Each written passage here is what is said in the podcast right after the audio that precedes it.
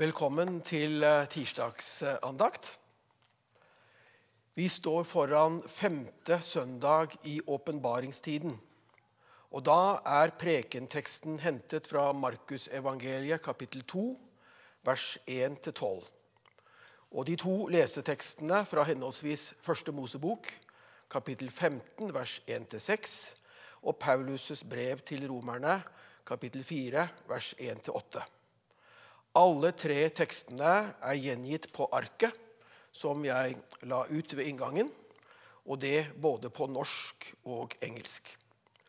Vi åpner andakten med å synge salmen som bibelleseplanen foreslår for denne søndagen. Nummer 738 i salmeboken. 'Noen må våke i verdens natt'. Vi synger alle tre versene. Jeg leser prekenteksten fra Markusevangeliet, kapittel 2, vers 1-12. Noen dager senere kom Jesus igjen til Kapernaum, og det ble kjent at han var hjemme. Det samlet seg så mange at de ikke fikk plass, ikke engang utenfor døren. Mens han forkynte ordet for dem, kom de til ham med en som var lam. Det var fire mann som bar ham. Men de kunne ikke komme fram til ham av trengselen. Derfor brøt de opp taket over stedet der han var, laget en åpning og firte ned båren som den lamme lå på. Da Jesus så deres tro, sa han til den lamme, 'Sønn, syndene dine er tilgitt.' Nå satt det noen skriftlærde der, og de tenkte med seg selv, 'Hvordan kan han si slikt?' Han spotter Gud. Hvem andre kan tilgi synder enn én? Det er Gud. Straks visste Jesus i sin ånd at de tenkte slik, og han sa til dem, 'Hvorfor går dere med slike tanker i hjertet?' Hva er lettest å si til den lamme? 'Syndene dine er tilgitt', eller 'Stå opp, ta båren din og gå'? Men for at dere skal vite at menneskesønnen har makt på jorden til å tilgi synder. Og nå vender han seg til den lamme. Jeg sier deg, stå opp, ta båren din og gå hjem. Og mannen reiste seg, tok straks båren og gikk ut rett for øynene på dem, så alle ble ute av seg av undring. De priste Gud og sa, noe slikt har vi aldri sett. Denne fortellingen om Jesu møte med den lamme mann finner vi i alle tre synoptiske evangelier. Når vi sammenligner disse synoptiske parallellene, legger vi merke til at versjonen i Matteusevangeliet er betydelig mer kortfattet enn de to andre. I norsk oversettelse knapt 150 ord mot vel 250 ord i Markusevangeliet.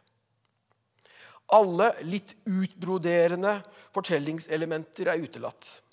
Som at bærerne ikke når frem til Jesus pga. trengselen og derfor bryter opp taket og firer båren med den lamme ned foran Jesu føtter. Effekten er kanskje en sterkere konsentrasjon hos Matteus om de viktigste teologiske poengene i teksten. Men jeg vil nok mene at også med Markus' forkjærlighet for spennende og dramatiske innslag i fortellingen kommer det teologiske budskapet til sin rett. En påfallende forskjell hos den tredje evangelisten, Lukas, forekommer i skildringen av scenen med den uortodokse måten å få den lamme mannen frem til Jesus. Sitat. Men fordi det var uråd å få ham inn pga. trengselen, gikk de opp på taket, fjernet noen takstein og firte ham ned på båren midt foran Jesus. Markus sier ingenting om taksten, bare ganske enkelt at de brøt opp taket over stedet der Jesus var. Denne skildringen svarer helt til hvordan de enkle bolighusene i Kapernaum var bygget. Takene var konstruert med et flettverk av grener, kvister og blader, som etter behov hyppig ble utbedret og fornyet. Mange som hører denne tekstgjennomgangen, enten som tirsdagsandakt på Vid eller i podkast, har sikkert besøkt den arkeologisk utgravede fiskelandsbyen Kapernaum ved nordvestbredden av Genesaretsjøen. Der er det avdekket en rekke vanlige bolighus fra det første århundret, med de nedre stenlagene av veggene intakt, men intet er tilbake av takkonstruksjonene. For naturligvis er det organiske materialet som de besto av, for lengst brutt ned. Når Lukas taler om taksten som må fjernes for å lage en åpning i taket, er skildringen tilpasset hus slik Teofilos og andre storbybeboere blant leserne kjente dem. Slik blir noen av de mest levende fortellingsdetaljene hos Markus en bekreftelse på at han gir en saksvarende skildring av forholdene på den galileiske landsbygda. Altså av den sosiale og kulturelle konteksten Jesus fra Nasaret opererte i. Jeg mener at vi tør regne med den samme nærheten til Jesus i det teologiske innholdet i fortellingen. Fortellingen om den lamme mannen som blir brakt til et møte med Jesus, er en tekst med rikt innhold og med potensial for ulike homiletiske tilrettelegginger og vektlegginger. For enklere å holde oversikt vil jeg dele det jeg nå skal si, inn i fem punkter. Punkt 1. Min kollega på VID, professor Anna Rebekka Solevåg, har i sin ferske monografi fra 2018, 'Negotiating the Disabled Body', Representations of Disability in Early Christian Texts, tatt for seg teksten vår fra Markus 2, 1-12.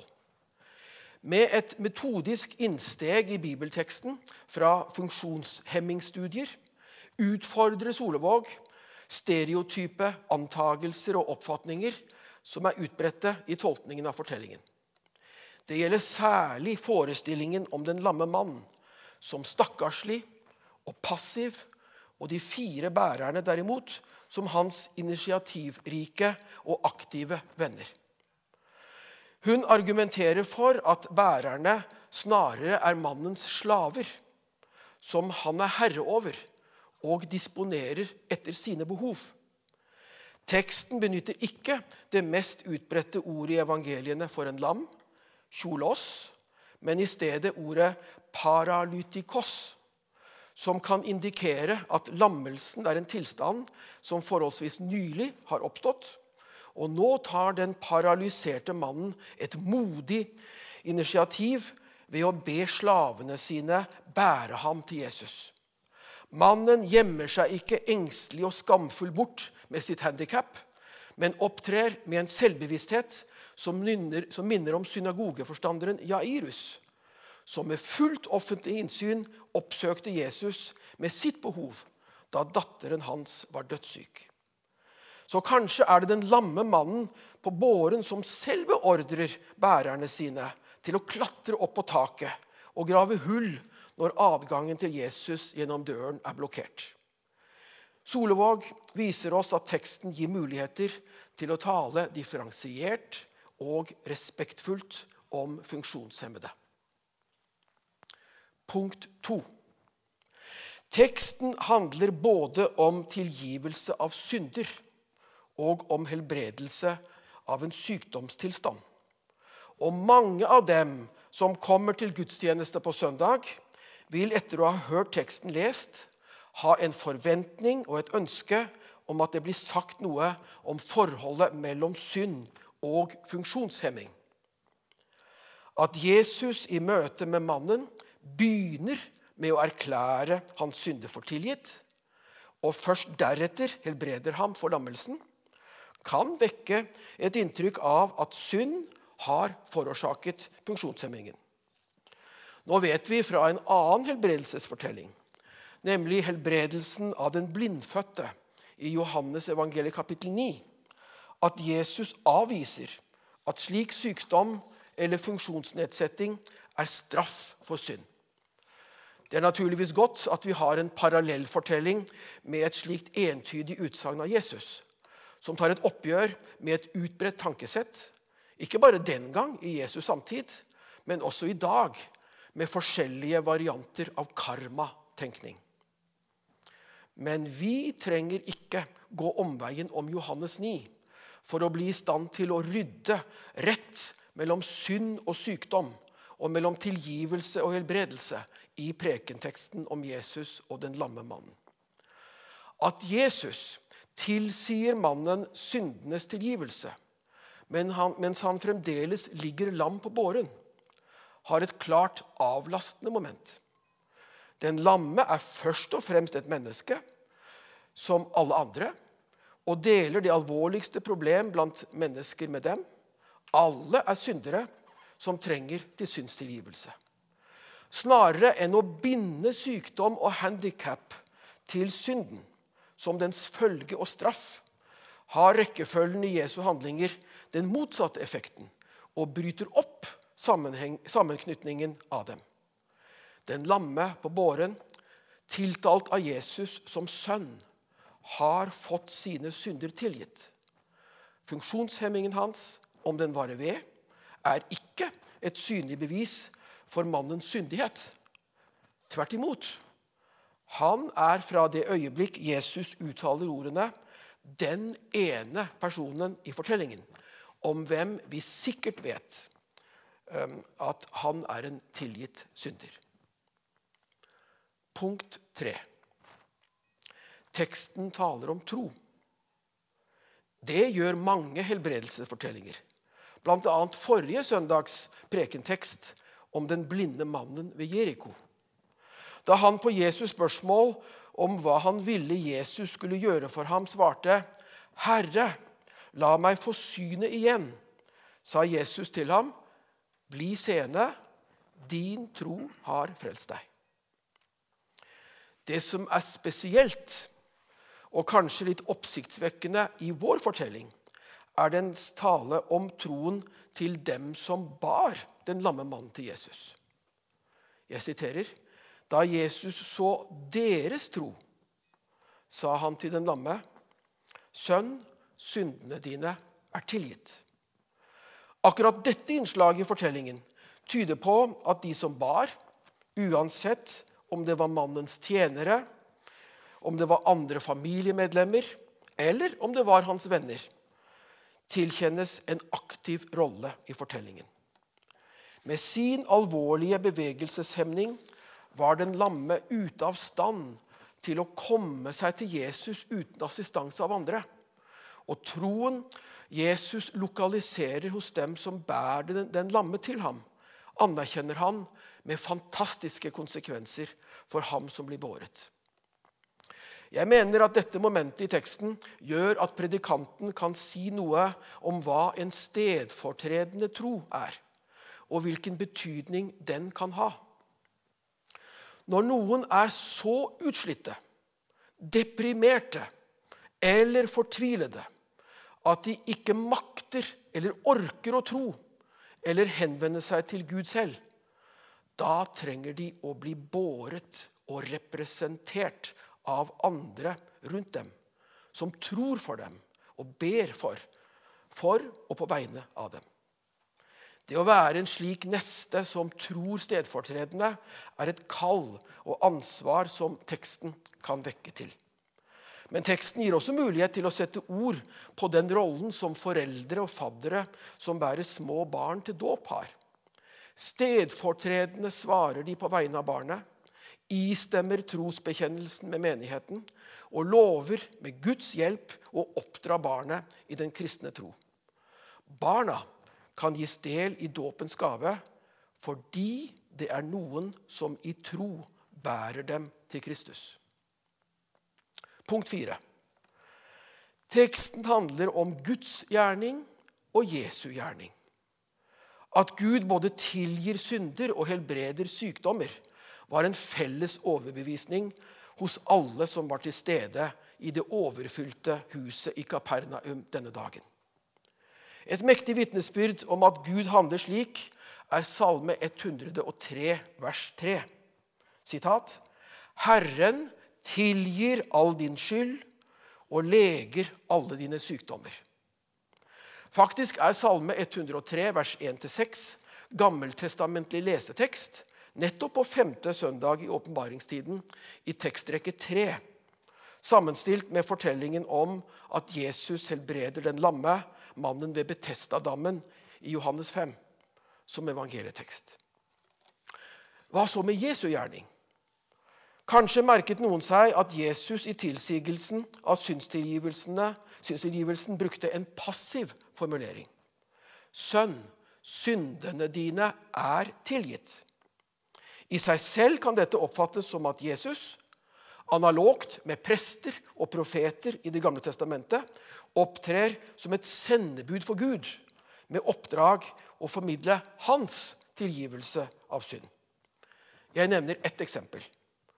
Da kong David hadde begått sin store synd mot Uria og Batseba, sendte Gud profeten Natan til ham, som konfronterte David med hva han hadde gjort. Jeg siterer fra 2. Samuel 12, 13. Da sa David til Natan, 'Jeg har syndet mot Herren.' Natan svarte, 'Så har også Herren tatt bort din synd. Du skal ikke dø.' Altså passivformen 'syndene dine er tilgitt' kan oppfattes som såkalt passivum divinum, dvs. Si en omskrivning av aktivformen 'Gud har tilgitt syndene dine'. Dette er en hyppig forekommende språklig vending i Det gamle testamentet og i jødisk tradisjon. Jeg mener det er korrekt å oppfatte uttrykket 'syndene dine er tilgitt' også i vår tekst fra Markus 2, som en passivum divinum-form. Men som reaksjonen fra de skriftlærde som satt der, viser, ytrer Jesus seg ikke som en autorisert profet på linje med Natan overfor David. For de skriftleide oppfatter det dit hen at Jesus tilriver seg autoriteten som Gud alene har til å tilgi synd. Han spotter Gud. Hvem andre kan tilgi synder enn én? det er Gud. I sin respons til de skriftlærdes tanker bekrefter Jesus deres tolkning ved å overføre passivuttrykket 'syndene dine er tilgitt' til den aktive formuleringen 'Dere skal vite at menneskesønnen har makt på jorden til å tilgi synder'. Altså Fortellingen postulerer at det er fullt samsvar mellom Guds gjerning og Jesu gjerning. Slik Herren ifølge verset vi siterte fra Salme 103 tilgir all din skyld og leger alle dine sykdommer. Slik handler også Jesus i møte med den lamme. Jesus opptrer ikke bare som et profetisk sendebud med avledet autoritet, slik f.eks. døperen Johannes gjorde. Jesus overgår og sprenger alle tradisjonelle tanker om hvem Messias skulle være, og hva han skulle gjøre, ved å handle som Gud selv, til synstilgivelse og liv. Dermed er vi fremme ved mitt, siste, ved mitt femte og siste punkt. Predikanten kan velge å utlegge prekenteksten i lys av de to lesetekstene fra 1. Mosebok 15 og Romerne 4. Da vil vekten bli lagt på momenter som vi allerede har omtalt tro og synstilgivelse. Etter at Abraham hadde utøst overfor Gud sin fortvilelse over at løftet hans om tallrike etterkommere ikke så ut til å bli innfridd, vant han ny tro og tillit da Gud i denne situasjonen gjentok og fornyet løftet. Jeg leser de to siste versene i den gammeltestamentlige leseteksten fra 1. Mosebok 15. Så førte Herren Abraham ut og sa til ham, Se opp mot himmelen og tell stjernene, om du kan telle dem. Og han sa, 'Så tallrik skal etten din bli.' Abraham trodde Herren, og det ble regnet ham til rettferdighet. I den nytestamentlige leseteksten fra Romerbrevet beskriver Paulus Abraham som den paradigmatisk troende. Og han gjør, nettopp, han gjør det nettopp siterte sluttverset i GT-teksten til et kjerneutsagn om troen som grunnlaget for rettferdiggjørelsen, til forskjell fra lovgjerninger.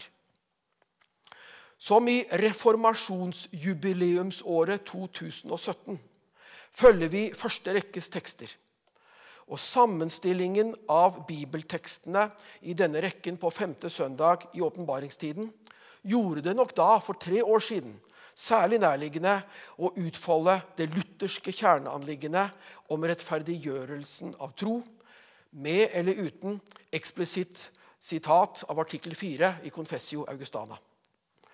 Dette er en evangelisk sannhet som må gjentas og fremholdes for oss på ny og på ny.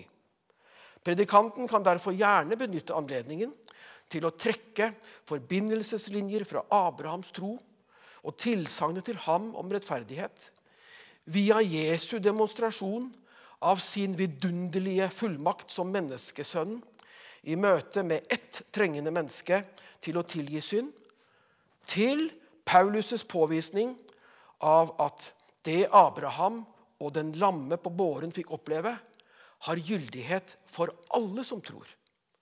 Om dem gjelder, slik Paulus siterer fra Salme 32, de to siste versene i eh, eh, brevteksten Salige er de som har fått sine lovbrudd tilgitt og sine synder skjult. Salig er det mennesket som Herren ikke tilregner synd. Vi avslutter med dagens bønn for femte søndag i åpenbaringstiden. Jesus Kristus, vår frelser, du ser oss når vi er i nød og fare.